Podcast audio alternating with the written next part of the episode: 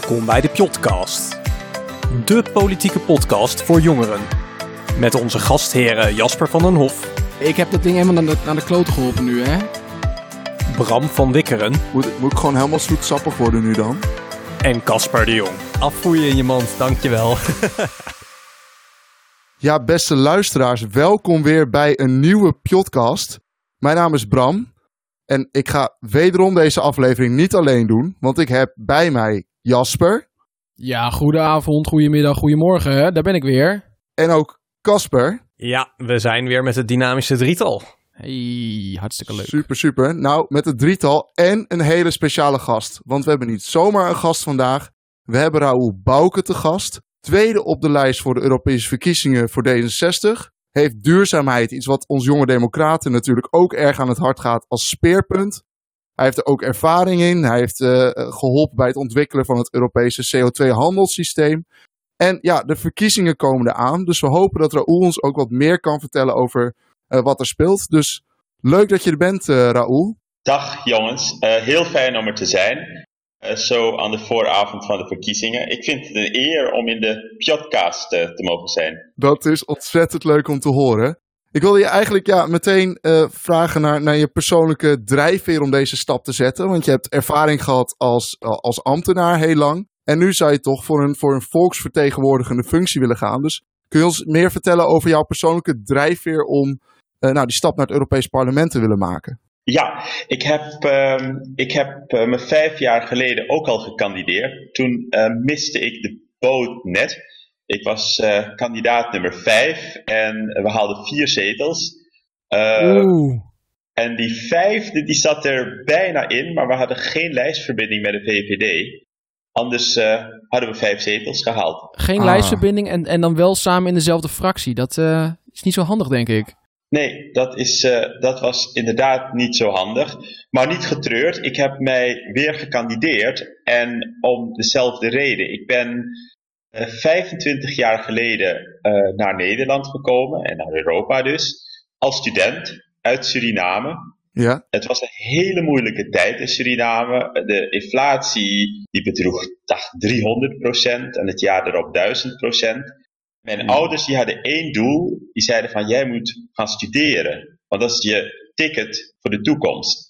En zo kwam ik dus met een koffer en een doos, een kartonnen doos, naar Europa. En ik was hier nog nooit eerder geweest. En wat ik hier aantrof was heel veel vrijheid vrijheid om me te ontplooien. Ik kon gaan studeren. eh, ik, kon, ik mocht overal komen. En eh, die vrijheid, eh, die staat, merk ik nu, onder druk.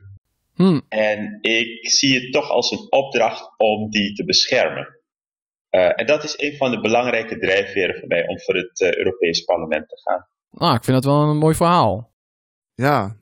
Echt, echt mooi om te horen dat je dus dat ziet en dat, dat wilt verdedigen. Ja. Ja, goed, waar, waar willen we het vandaag dan over hebben? We willen het dus Nou, even hierover. hebben over... Hier willen we ja, het over hierover. hebben. Ja, tuurlijk. Ja. Maar ja, over, goed. Ja. Dit vind ik over. Europa dus. Of Ja. beter gezegd eigenlijk de EU. We willen het over hebben. We willen het hebben over de staat van Europa. En eh, vervolgens ook willen we Raoul vragen naar zijn speerpunten voor de aankomende verkiezingen. Misschien die van D66 ook. En omdat we natuurlijk een podcast zijn gericht op jongeren, willen we ook weten, nou, waarom is dit nou zo relevant voor jongeren, die verkiezingen? Wat kan de EU voor hen betekenen? En voor ons allemaal. Heel veel zin in. Ja, mooi. Dat is mooi. Om maar te beginnen met dat allereerste, de staat van Europa. Misschien een stukje achtergrond, want je staat dus op de lijst voor D66 op nummer 2. Nou, het ziet er al iets beter uit eh, qua, qua kansen dan de vorige keer. Eh, en als je dan in het Europees Parlement zou worden verkozen, wat, wat doe je dan eigenlijk? Wie vertegenwoordig je? Ja, je, je vertegenwoordigt ehm, de Europeanen, wat mij betreft. We hebben helaas in Europa nog steeds een uh, kiessysteem dat uh, heel nationaal gericht is. Dus het zijn de Nederlanders en de mensen die hier in Nederland geregistreerd zijn, die op mij kunnen stemmen. Ja. Maar ik, ik, ik voel mij wel vooral een vertegenwoordiger van de Europeanen. althans, als ik verkozen word dat vind ik wel interessant, want ik heb ook altijd een beetje moeite gehad met het feit dat ik... Ja, je kan alleen maar op Nederlanders stemmen. Uh, maar jij voelt je dus wel echt als een vertegenwoordiger van heel Europa in die zin. Ja, en ik kan ook wel zeggen waarom. ik ben, uh, mijn inhoudelijke expertise is uh, klimaatbeleid, duurzaamheidsbeleid. Mhm. En ik, um, ik vind dat een Fin, die vindt dat wij uh, klimaatverandering moeten tegengaan, die moet zich net zo goed door mij vertegenwoordigd kunnen voelen. En ik kan het ook omdraaien. Ik vind ook dat ik voor die Fin of die Pool die daarvoor gaat, aan het werk ben in het EP. Uh, dus ik, ik, voel mij, ik voel mij wel degelijk een vertegenwoordiger van de Europeanen. Tegelijkertijd vind ik het wel belangrijk om een basis te hebben. En dat heeft veel meer te maken met voeling houden met, um, ja, met, met, met, met mensen. Uh, Ja. Ik ben net weer verhuisd naar Rotterdam, waar ik heel lang gewoond heb. Prachtige Eh, stad. Ja, Ja, fantastisch. dat, snap ik wel dat jij dat vindt. Maar ik vind het wel belangrijk om contact te hebben met eh, eh, de mensen in Europa en dan eh, de plek waar ik woon, dat is dan Rotterdam. Eh, dus het, het heeft wel twee kanten. Nou, nou is Rotterdam natuurlijk ook wel een heel erg Euro- Europa en zelfs wereldgerichte stad. Dus wat dat betreft zit je wel goed, denk ik. Ja, dat op zich wel. Maar het, het, het zou je dus wel. Je ziet wel zitten om mensen helemaal uit het oosten van Europa, vanuit Rotterdam, te vertegenwoordigen. Dat zou, zou wel lukken. Of moet daar dan nog iets voor gebeuren eerst? Nou ja, kijk, ik vind het. Ik ga heel erg op de inhoud bezig zijn in het EP. Op hè, duurzaamheid, klimaatverandering. En eh, de, de mensen voor wie ik het doe, die zitten in Rotterdam, maar die zitten ook op andere plekken in Nederland of in, eh, in Europa. Ehm, dus ja, het maakt eigenlijk niet zoveel uit ehm, waar die mensen zitten. Maar om voeling te houden moet je, vind ik het het makkelijkst om dat te doen met de mensen, met mijn buren, met de mensen in de wijk. eh, Ja. Of met de mensen in de Ja. stad. Ja, Bram, dus- Bram, mag ik nog een vraag stellen? Ja, tuurlijk. Ja, want, want ik vraag me wel... Kijk, want ja, ik snap dat jij er zo in zit, Raoul. Eh, ik kan me voorstellen dat D66 dat ook wel wat van, meer van nature gelegen is. Maar er zijn natuurlijk ook heel veel Nederlandse partijen die juist zeggen van... nee, ik sta voor mijn eigen clubje. eh, het Nederlandse belang, dat ga ik verdedigen in Europa. Hoe zie jij dat dan? Ja, ik, ehm, het, het, het Nederlandse belang is wat mij betreft ook het Europese belang.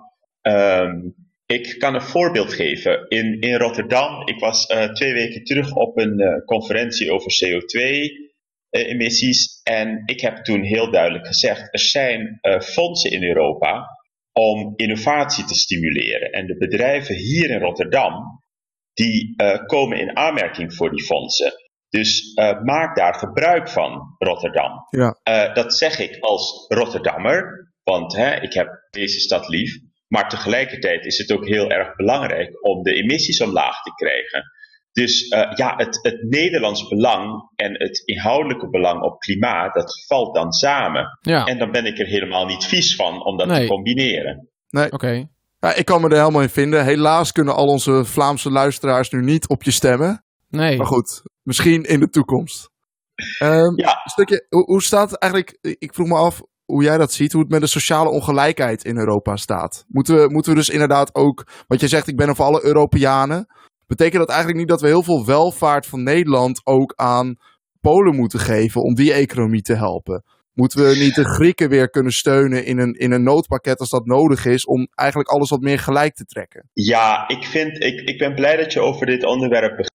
Want het is een voorwaarde voor eigenlijk alle grote onderwerpen die we moeten aanpakken. Dus of het nou klimaatverandering is, of onze veiligheid in Europa. Eh, sociale gelijkheid, of het tegengaan van ongelijkheid, is een voorwaarde. Want het heeft alles te maken met het draagvlak voor Europa en wat we in Europa doen. Ehm, en wat mij betreft is het, ehm, het is niet eenvoudig. Laat me dat vooropstellen. Dus dit, hè, dit, is niet een, dit gaat niet een gesprek worden waarbij ik jullie twee of drie eh, oplossingen. Al, al wat jammer, wat jammer. Ja, ik Ja, dacht, jammer, hier hè? komt Ja. gewoon het antwoord op alles. nu komt het gewoon. Ja, nee, geef me nog even. Geef me een jaar of vijf. Ja, Maar ehm, wat, ik, wat ik wel zie, en dat zie je in Nederland, maar ook in andere landen in Europa, dat de ongelijkheid die neemt toe. Eh, om eh, Nederland als voorbeeld eh, te nemen. je ziet bijvoorbeeld dat steeds meer hoger opgeleiden ook met hoger opgeleide trouwen. Daardoor lager opgeleiden steeds vaker ook met lager opgeleide trouwen. De kinderen uit die gezinnen hebben hele andere kansen dan pakweg 20 of 30 jaar geleden. Want het heeft alles te maken met het netwerk waarin je opgroeit en in terechtkomt. Dat is één voorbeeld. Maar je ziet het ook door de woningmarkt, de ontwikkeling op de woningmarkt. We hebben, hè, als je een starter bent, heb je veel minder kansen dan 20 of 30 jaar terug. Um, en dat zie je ook in andere landen in Europa. Uh, nog veel extremer zelfs. Dus ja. het, is, um, het is een Europees probleem, maar het is tegelijkertijd ook een probleem dat zich nationaal afspeelt. Ja, je, ehm, zou, ja, je zou ook kunnen zeggen dat zeg maar, doordat die ongelijkheid groter wordt, draagkracht voor ja, we moeten het met z'n allen doen ook gewoon afneemt. Ja, dat klopt. En er zit wel een, het, het is, um, uh, er zit een paradox in, want uh, je moet juist in Europa zijn uh, voor hè, het verdienen van hè, meer geld. verdienen als Nederland heel veel aan de Europese samenwerking. Maar tegelijkertijd zie je dat Europa juist dus als zondebok gezien wordt. En ik vind Brexit daar het, het, het mooiste voorbeeld van. De Britten die voor Brexit gestemd hebben, zijn ook degenen die uh, er het meest last van zullen hebben. Ja. Van hè, het, het, het uh, minder Europese samenwerking. En dat, dat heeft iets heel geks. Ja, dat heb ik nooit echt goed begrepen, want ik heb zo'n bericht ook uh, gelezen. En dan, dan denk ik, dan gaat er toch ergens iets fundamenteel mis als de mensen die het meest geraakt worden door een maatregel er het meest voor zijn dan is er toch iets niet goed aan het gaan. Is de propaganda van uh, Europa, hè, dat, het image van Europa dan niet goed, of de Europese Unie dan niet goed genoeg? Nou, ik, ik, heb, ik heb er een hele duidelijke mening over. En ik, ik, ik zit nu twaalf jaar in Brussel. Ik heb het heel vaak gezien. Europa is heel lang, en dan heb ik het hè, al twintig, dertig jaar, wordt die als zondebok gezien. Uh, als uh, nationale uh, regeringen, dus hè, premiers, iets weten binnen te halen bij onderhandelingen in Brussel, dan zeggen ze ja, we hebben het voor de poorten van de Brusselse hel weten weg te slepen. Mm -hmm. Lukt het ja, ze niet ja, om iets binnen te halen, dan zeggen ze ja, het moet weer van Brussel. Ik heb het geprobeerd, maar het wordt ons opgelegd. En door dat te doen, ontwikkel je nooit een positief beeld van Europa of over Europa.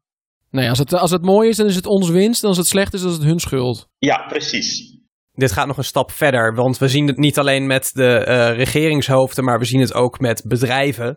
Een goed voorbeeld daarvan was hoe toen uh, Europees de telecommarkt gelijk getrokken werd en het verboden werd voor providers om die roamingtarieven voor je internet in het buitenland te gaan rekenen. Zeggen in één keer alle providers vlak voordat verplichting ingaat: hey, we bieden gratis internet in heel Europa. Terwijl zij juist de spelers waren die daar keihard tegen verzet hebben. Dus ze steken uiteindelijk wel met de eer, maar ja. het is Europa die het mogelijk gemaakt heeft. Ja, slim marketen. Ja, ik heb, ik heb eigenlijk dan ook soms wel dat als ik dan uh, Europa, die hebben dan soms ook zo'n. Dat ze een budget hebben om heel erg die, die, die viering te doen. Dus alle successen die ze hebben, gaan ze dan vieren. Maar eigenlijk werkt dat dan ook weer een beetje averechts. Van denken van mensen, ja, geven we daar nou geld aan uit dat we de successen van Europa gaan vieren? We zijn allemaal klaar met Europa. Dus ik, het is heel erg moeilijk om dat op een goede manier te vieren. Dus hoe, hoe zou je zeg maar dat positieve beeld van Europa, Raoul, hoe zou je dat zeg maar uh, op een goede manier bij de mensen brengen? Um, allereerst het kost tijd. Iets dat je uh, 30 jaar lang uh, systematisch uh, als zondebok gebruikt hebt, dat maak je niet in 2, 3 of 5 jaar weer goed. En ja. vergeet niet, hè, ministers zoals Gerrit Zalm, ook Frits Bolkestein in de tijd dat hij fractievoorzitter was in de Tweede Kamer, die hebben systematisch Brussel en de Europese Unie als zondebok bestempeld. Dit, dit is al heel lang gaande, dus het heeft tijd nodig. Wat we moeten doen is um, elke keer gewoon vertellen wat Brussel doet. Op een hele neutrale manier. Brussel die kan zichzelf verkopen als je er maar eerlijk over bent. En noem bijvoorbeeld uh, de roamingtarieven. Dat is een voorbeeld dat heel veel gebruikt wordt. Uh, op mijn eigen beleidsterrein. Um, het EU-beleid op klimaatverandering werkt. We hebben het Europese emissiehandelssysteem. Uh, daar ben ik zelf heel trots op. Heb ik vier jaar aan mogen werken. En het is een, het is een succesverhaal. Want de emissies gaan omlaag. En uh, die gaan omlaag omdat we geld bij bedrijven weghalen en het stoppen in innovatie. Het is een bijzonder slim systeem en dat doen we in Europa. Maar hoeveel mensen weten dat? Hè? dat ik vind het wel mooi dat je zegt van, goh, dat emissiesysteem, dat is een heel groot succes. Want aan de andere kant, dat is ook iets waar heel veel kritiek op komt. Een lange tijd, zeker net in de crisis, waren die certificaten voor uitstoot veel te goedkoop. En het heeft heel lang geduurd voordat daar wat aan gedaan kon worden. Hoe reflecteer je op die kritiek die dat ook krijgt? Ja, ik ben. Um, de kritiek is goed. Juist door die kritiek hebben we het systeem beter gemaakt. En um, het mooie aan het systeem is uh, dat omdat het gaat om een prijs geven aan CO2, uh, dat je ook heel goed kan zien hoe het, hoe het systeem zich ontwikkelt. Ik ben in 2011 begonnen bij de Europese Commissie en toen ging het heel slecht met het systeem. Het ging van de prijs ging van 7, 8 euro per ton naar bijna 0 euro per ton, omdat er veel te veel rechten in de markt waren. En uh, wij hebben toen, uh, omdat er heel veel kritiek op het systeem was, zijn we gaan werken aan het uit de markt halen van het uh, overschot aan rechten. En de prijs is, deze week was die, dacht ik, rond de 27 euro per ton. Nog niet hoog genoeg, maar dat is al heel veel hoger dan die 2 euro die we hadden in 2013. Um, ehm, en wat doet zo'n prijs? Hij geeft een prikkel om de emissies verder omlaag te brengen. En je haalt geld op om innovatie te financieren. Dus het, het is mooi aan het systeem. Het werkt aan twee kanten. De emissies gaan omlaag en je haalt geld op. Dus ja, ik, ik denk, uh, want we hebben denk ik al een mooi bruggetje gemaakt naar, naar de inhoud. En vooral de duurzaamheidsinhoud. Ik denk inderdaad, ja, wat, wat ik, die emissierechten, je zegt het eigenlijk al, niet, niet hoog genoeg. Zou eigenlijk hoger moeten. Maar het is natuurlijk wel een mooi voorbeeld van de vervuiler betaalt. He, dus eigenlijk een, systeem die de Jonge Democraten bijvoorbeeld en D66 heel erg voor staat. Is op het moment dat je uitstoot, dan moet je betalen. Op het moment dat je goede dingen doet, waar we als geheel van profiteren, dan uh, krijg je daar extra geld voor. Dus subsidies voor, voor duurzaamheid. Dit is een fantastisch voorbeeld van uh, uh, hoe je effectief de vervuiler betaald kunt vertalen in een systeem. Ja. En uh, het, dit is een, een, een, podcast van de Jonge Democraten, dus ik, ik, ik, ik mag wat innovatief denken en zijn. zeker, zeker. Ja, ik heb wel eens gezegd, eigenlijk zou je een persoonsgebonden emissiehandelssysteem moeten hebben. Geef ieder individu een CO2-budget. En um, nou, als je, als je hè, en dat is gekoppeld aan, aan hoe je reist, hoe je, dus je mobiliteit, ja? uh, je eetpatronen, alles. En als je meer uh, CO2 emitteert door je gedrag, nou, dan koop je wat bij. En als je minder, dan verkoop je het. Nou, dus als, niet, ik, als, als, als ik vlees consumeer, dan ben ik al een, een deel van mijn budget daaraan kwijt, bijvoorbeeld. Ja, of als ik een auto rij. Ja. Of ik heb ja. een heel groot huis met dure meubels van uh, Ja. tropisch hardhout. Dan ga ik er heel snel doorheen. Ja. Ja, klopt. Dan ga je ja. reisjes naar Bali, Jasper. Ah, jongens. jongens. Ja, nou ja, je kunt, je kunt het blijven doen, maar dan moet je wel wat kopen bij iemand die, die uh, naar Texel gaat uh, met vakantie. Ja, die heel groen Ja. leeft. Ik, ik vind het een Ja. super gaaf idee. En we moeten vooral inno- innovatief blijven denken en zeg maar, dat opzoeken. Maar ik, heb ineens eh, heel veel zin in het volgende congres van de JD, denk ik. Want dat Ja, is wel een interessant echt verhaal. Nee, maar ik zit wel meteen met uitvoerbaarheid in mijn hoofd. Ja, dat is waar. Ja, dat klopt. Maar er zijn hier mensen al mee bezig. Een goede vriend van mij, die rekent altijd in de decemberperiode uit wat ongeveer zijn persoonlijke CO2-voetafdruk geweest is eh, in het jaar daarvoor. Dan kijkt hij naar hoeveel heb ik gevlogen, hoeveel kilometers heb ik gemaakt, Mhm. eh, wat zijn mijn meterstanden in mijn huisje. Ja, En dan zijn er verschillende projecten van bijvoorbeeld eh, het bijplanten van bossen of andere verduurzamingsprojecten, waar je dus in feite je CO2 weer af kan kopen. Op dit Oh, moment ja. is dat natuurlijk nog vrijwillig en uit ja, een stukje eh, altruïsme en een stukje nou ja, je eigen geweten weer eh, op orde Ja. stellen. Ja. Maar Ja. het, het kan al wel. Er zijn hier projecten voor om met Oh. eh, nou, rond de 50 tot 100 euro voor een, een klein huishouden per jaar je eigen uitstoot weer eh, te Nou. kunnen compenseren. Klinkt interessant. Maar het, is, het is natuurlijk wel nog voor de, voor de kleine aantallen. En je wil dit soort dingen weer natuurlijk breed toepasbaar doen en dat iedereen het ook kan doen. ja, precies. En ik, ik ben het met jullie eens hoor. De uitvoerbaarheid is natuurlijk een, een, een, een- een big issue. Maar als we even teruggaan hè, naar, de, naar de realiteit van vandaag.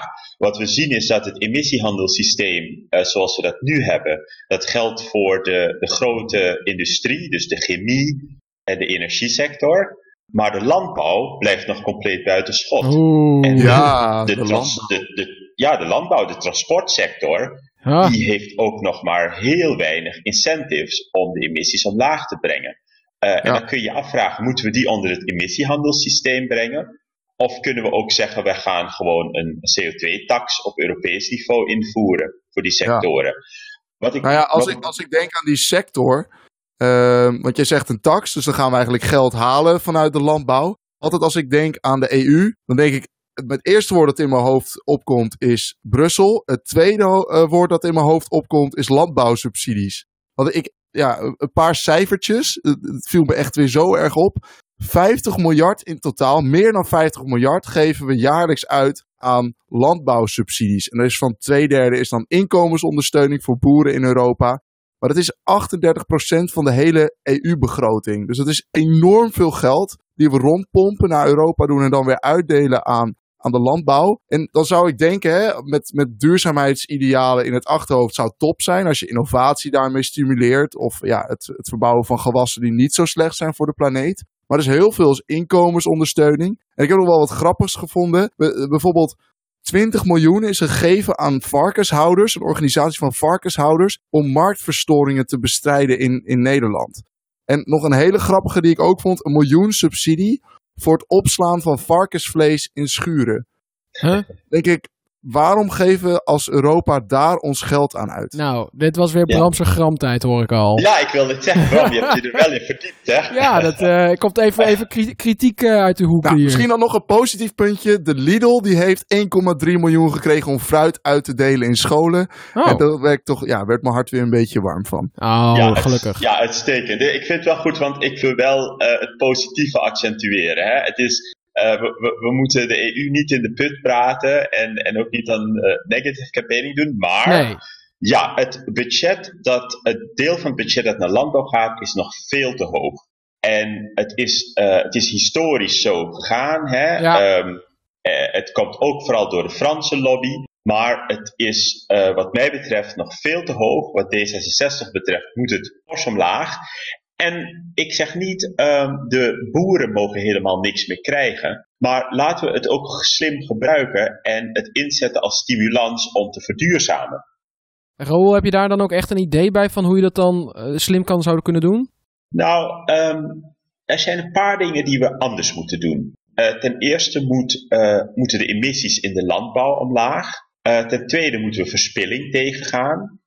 En ten derde, we moeten beter met onze dieren omgaan. En is, in, maar wa- wacht even, want Raoul, je zegt verspilling tegengaan. Betekent dat gewoon dat ik niet meer mijn halve prakje in de eh, vuilnisbak moet flikkeren? Of is het meer eh, dat we op, op industrieel niveau eh, moeten verspillen? Zeg maar, moet ik het doen of moeten moet andere mensen het doen? Nou, ik hoop dat we beide doen. Eh, dus Ja. ik vind dat als, als, jij, als jij voedsel verspilt, moet je daar meteen mee ophouden. Nee, dat doe ik ook niet hoor. Dat Ja, helemaal Jasper, niet. deze Ik- kapper mee. Nee, ja, sorry, sorry. Ik hou er gelijk mee op. Ja, alle grappen op een stok van alle eh, voedsel dat we produceren wordt ongeveer een derde weggegooid. En dat zit, dat zit niet alleen maar in jij die hè, net iets te veel bananen koopt en dan twee weggooit omdat ze bederven. Maar het zit hem ook in dat we te veel produceren en het gewoon niet kwijt kunnen. Dat moet anders. Ehm, dan is er een derde van het voedsel dat we in Europa produceren. Dat gebruiken we om onze dieren te voederen. Maar dat is eigenlijk spul dat dat bedoeld is om menselijke consumptie. Dus ook dat kunnen we anders doen. En dan eh, het derde eten we daadwerkelijk zelf op. Eh, daar, zit, daar, daar valt winst te behalen. En, eh, Want jij zegt, we hebben een, derde dat wordt verspild. En het andere derde dat we zelf consumeren. Dus we zouden gewoon dat allemaal... Ja, dat vind ik heel raar. Dat, het, hè, dat je letterlijk hetzelfde deel als wat je eet ook weggegooid wordt. Dat klopt. En, eh, wat, Ja, we- da- en daar kunnen we, kunnen we gewoon anders mee omgaan. Je kunt zeggen van veel kleinschaliger produceren, duurzamer, kleinschaliger produceren, zodat je veel beter de eh, vraag en het aanbod op elkaar afstemt. Is het dan nu zo dat door die landbouwsubsidies ook, dat er dan eh, echt al gewoon overproductie is? Want ik heb in mijn eh, geschiedenis nog wel geleerd over de boterbergen en de melkplassen. Maar dat, is, dat komt ook hierdoor. Ja, dat, dat, is, dat, is, dat is zo extreem niet meer, maar je wel dat door de subsidies wij pro, uh, uh, soms gewassen produceren die we niet opeten. Dus niet menselijke, voor menselijke consumptie gebruiken, terwijl het wel daarvoor bedoeld was. En dan gaat het naar het veevoer bijvoorbeeld. Maar daar heb je eigenlijk andere gewassen voor. dus we moeten dat gewoon veel slimmer aanpakken. En dat doe je door in ieder geval de subsidies te mhm. verlagen. Gewoon veel slimmer om te gaan met de beschikbare middelen. Um, en dat geld hebben we hard nodig voor andere zaken. Bijvoorbeeld ons klimaatbeleid. Om maar Helder verhaal. Hey, we hebben nu al best wel veel over klimaat of dingen die daarmee samenhangen gehad. Maar D66 staat er op dit moment in peilingen natuurlijk niet heel goed voor. Dus als je verkozen wordt, dan zal je portefeuille waarschijnlijk breder zijn dan alleen klimaat. Welke andere onderwerpen zou je graag mee bezig willen zijn? En kun je daar wat over vertellen? Um, ja, ik heb uh, voor mij, ik noemde het al eerder, uh, sociale ongelijkheid is een, is een heel belangrijk onderwerp. Ik denk zelf dat we in Europa het gesprek daarover in elk geval moeten beginnen. Want wat je heel vaak hoort, dat Europa niet gaat over het sociaal beleid. Um, ik denk dat Europa daar wel over moet gaan. Mm um, ik zal een voorbeeld geven. We hebben de afgelopen twee jaar in uh, Brussel uh, een heftige discussie gehad over mogen Poolse vrachtwagenchauffeurs in Nederland werken en hoe vaak en onder welke voorwaarden. En daar komen we maar heel slecht uit. Waarom? Omdat de sociale verschillen zo groot zijn in Europa. En we hebben ooit met elkaar afgesproken dat we één open interne markt hebben binnen Europa. Daar hoort wat mij betreft ook één sociaal beleid bij. Ja, en maar dat, heb je niet binnen een paar jaar, maar daar moet je wel mee beginnen. Maar dat botst ik wel... Ook, ja, dat bots. Ik kan me wel voorstellen dat bijvoorbeeld dan de sociale, uh, sociaal-economische wat meer onderklasse in Nederland denkt van ja, dan, dan moet ik het al doen met gewoon weinig middelen. En dan word ik straks ook nog weer, omdat we die markt verder opengooien en echt helemaal opengooien, word ik een beetje weggeconcureerd. Ja, dat denk ik dan ook. Ja, maar dat is, dat is, uh, dat is nou typisch een beetje een, een, een, een makkelijke benadering van zaken. En uh, de wereld is nou eenmaal, uh, zit veel complexer in elkaar. Om te blijven bij het voorbeeld van die vrachtwagenchauffeurs. Er zijn dus nog nauwelijks Nederlanders die dat werk willen doen. En ik, ik ben dan heel blij dat Poolse chauffeurs bereid zijn om dat te doen of Roemeense chauffeurs of Bulgaarse chauffeurs. Ik zeg er meteen bij, ik vind het wel belangrijk de arbeidsomstandigheden waaronder zij werken wel van een bepaald niveau moeten zijn. Ja. Hè? Ja. Uh, om, om nog een slagje concreter te worden. Ik vind niet dat uh, poepen en piezen langs de snelweg acceptabel is. Ik vind dus dat er wel voorzieningen moeten zijn voor hè, vrachtwagenchauffeurs. En die zijn niet goed geregeld nu in Europa. Ik vind het altijd een beetje moeilijk, want ja, aan de ene kant dan denk je van, ik snap heel goed dat mensen die in een bepaalde sector zitten, bijvoorbeeld in de bouw, ja, daar heb je dan heel vaak dat, hè, is toch makkelijk, je huurt even een Poolse, een Pools klusbedrijf in. En ik snap dat mensen die in die sector zitten denken van, ja, het treft mijn business, dus ik, ben, ik, vind, dat niet, ik vind dat niet fijn. Tegelijkertijd, als ik dan ook heel vaak hoor van dat er in de tuinbouwsector of inderdaad in de transportsector, dan zijn er gewoon banen die willen, ja, die willen lokale mensen niet uitvoeren, omdat ze het of te slecht betaald, of ze vinden het niet leuk. Maar dat moet wel gedaan worden, want we hebben, we, dat, dat werkt, dat ligt er. En dan uh, is iedereen verbolgen over het feit als er een paar mensen uit uh, Roemenië of Bulgarije komen die denken, nou, dat vind ik een mooie baan, daar kan ik veel mee verdienen in Nederland. Dat we die dan helemaal te kakken zetten en zeggen van, ja, kijk eens wat, ze pikken al onze banen in. Ik vind dat, ik vind dat wel lastig. Ja. Ja, dat klopt. Het, daar heb ik ook heel veel moeite mee. En het komt weer neer op het verhaal van de zondebok. Heel vaak worden deze uh, mensen die uit Polen of uit Roemenië komen als zondebok gebruikt. Want uh, ze doen goed werk en er zijn inderdaad uh, uh, soms sociale problemen, maar die kunnen we aanpakken. Die kunnen we, die kunnen we gewoon aanpakken. Je kunt zeggen, hè, de, de, de omstandigheden waaronder deze mensen wonen of werken, die moeten van een bepaald niveau zijn. Dat is zoals in Nederland heel goed gelukt. Waarom zouden we het niet hè, voor deze groepen kunnen doen. Maar is dat, dan, is dat dan niet iets wat vaak, dan heb je dus een Europese regel hè, van vrij, vrij verkeer van personen en, en, en werk. Maar dan vervolgens eh, kom je dus met zo'n sociaal probleem. Hè? De, nou, normen verschillen misschien. Hè? Je, het typische voorbeeld van, van een pol die te veel drinkt. Maar uh, dan heb je dat het op het bordje van de nationale overheid komt. Ja, ja we, we, komen dan op een, op een wat breder onderwerp. Um, er wordt heel veel geklaagd over wat Europa nog niet geregeld heeft. Europa is, we zijn, we zijn 70 jaar hè, jong, 75 jaar jong sinds de oorlog. Uh, we hebben wat tijd nodig, maar mogen we ook? Ik vind dat we al heel ver gekomen zijn. Eén, we slaan elkaar niet meer de hersens in. Nou, dat is al winst. Twee, we hebben een economische samenwerking waar we heel veel voordeel aan hebben. en drie, ja, nu moeten we gaan bouwen aan een politieke unie, aan een sociale ja. unie. Hè? Laat, laten we daaraan gaan bouwen. Maar voor mij is het glas altijd half vol. En uh, laten we ook vooral kijken wat we uh, de afgelopen 70 jaar wel bereikt hebben. En daarop voortbouwen. We, hebben, we hebben echt de prachtige vier vrijheden in Europa. En ik denk dat we inderdaad al heel veel uh, mooie dingen overwonnen hebben met z'n allen. Dank, dank voor je pleidooi over ja, duurzaamheid en over sociale gelijkheid. Meer sociale gelijkheid in Europa. We, we maken onze podcast voor jongeren. Vooral voor jongeren die geïnteresseerd zijn in politiek. Of er misschien iets mee willen doen. Waarom zouden jongeren zich nou ook gewoon moeten blijven bemoeien en bezig moeten zijn met Europa, met, politiek? Wat, wat, wat staat er op het spel? Waarom is het zo belangrijk? Uh, ja, omdat het, uh, het gaat om de, de, de, toekomst van, van, van de jongeren. De grote onderwerpen die we in Europa uh, behandelen. Want kijk, het, het, zijn per definitie complexe problemen die we op Europees niveau uh, uh, proberen op te lossen. Want anders hadden we op een, op een lager niveau opgelost. Dus klimaatverandering, veiligheid, um, hè, noem alle onder, cybersecurity, noem alle ja. migratie, noem de grote onderwerpen. Dat zijn allemaal onderwerpen die jongeren direct aangaan. Mm -hmm. klimaatverandering vind ik daar het beste voorbeeld van de uitspraak van mijn generatie is de eerste generatie die de, die de heftige gevolgen ervan ondervindt, maar is tegelijkertijd ook de laatste die er echt iets aan kan, kan doen. Ik vind ja. het belangrijk dat ik als eh, politicus in spe uh, wel de instructie krijg van de jongere generatie om iets te doen. En dat moeten jongeren wel Voor de jongeren ook, ja. Ja, precies. En hoe zie je dan die, die enorme klimaatmarsen en zo en de jongere scholieren die, die hoe het. Ja, ja, die inderdaad. Ja, um, ik heb uh, een paar weken terug, het was net na de klimaatmars um, in Den Haag, heb ik een, uh, een opinieartikel in Trouw gepubliceerd met het pleidooi om de stemgerechtigde leeftijd te verlagen van 18 naar 16 jaar.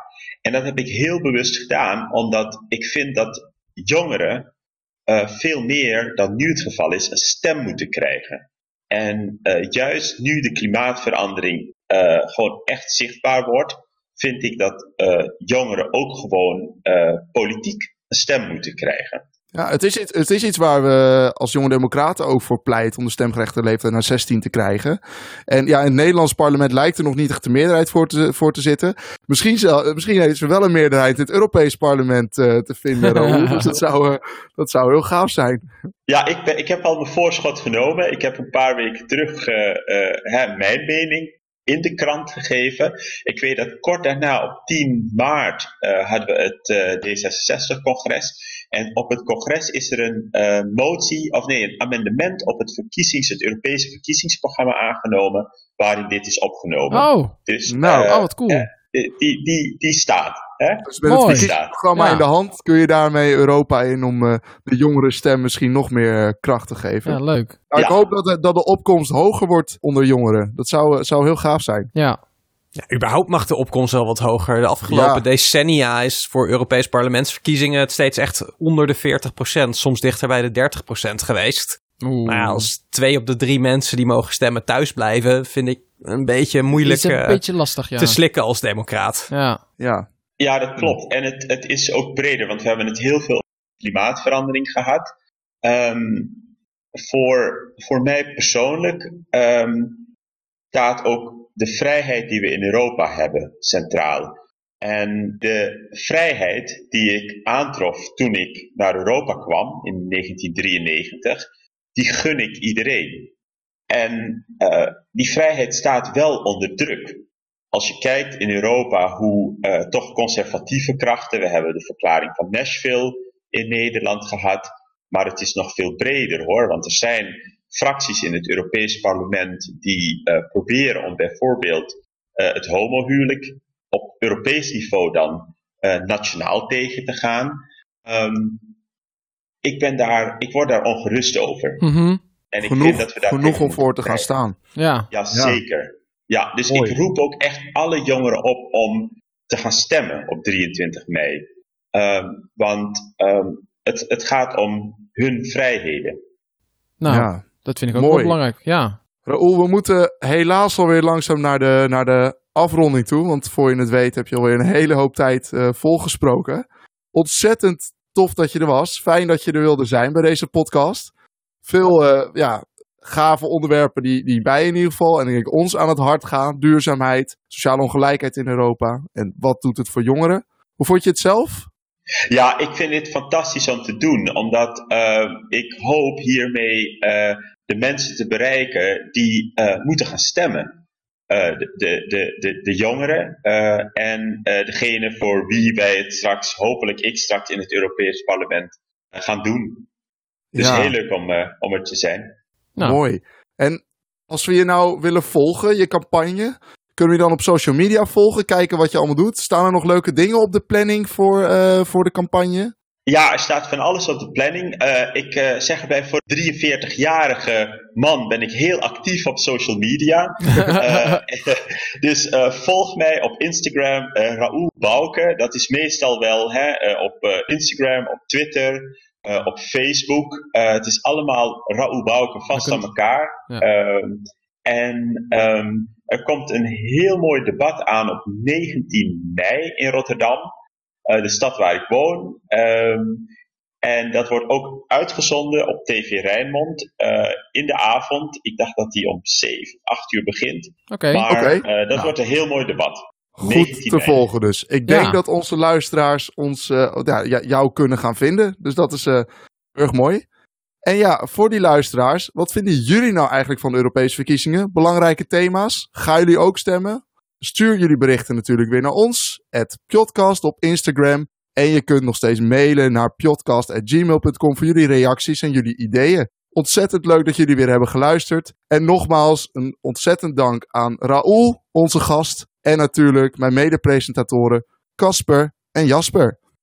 Ja. Tot de volgende keer. Tot de volgende leuk. keer. Oké, okay, dag jongens. Hoi hoi. Dag hoor. Tada.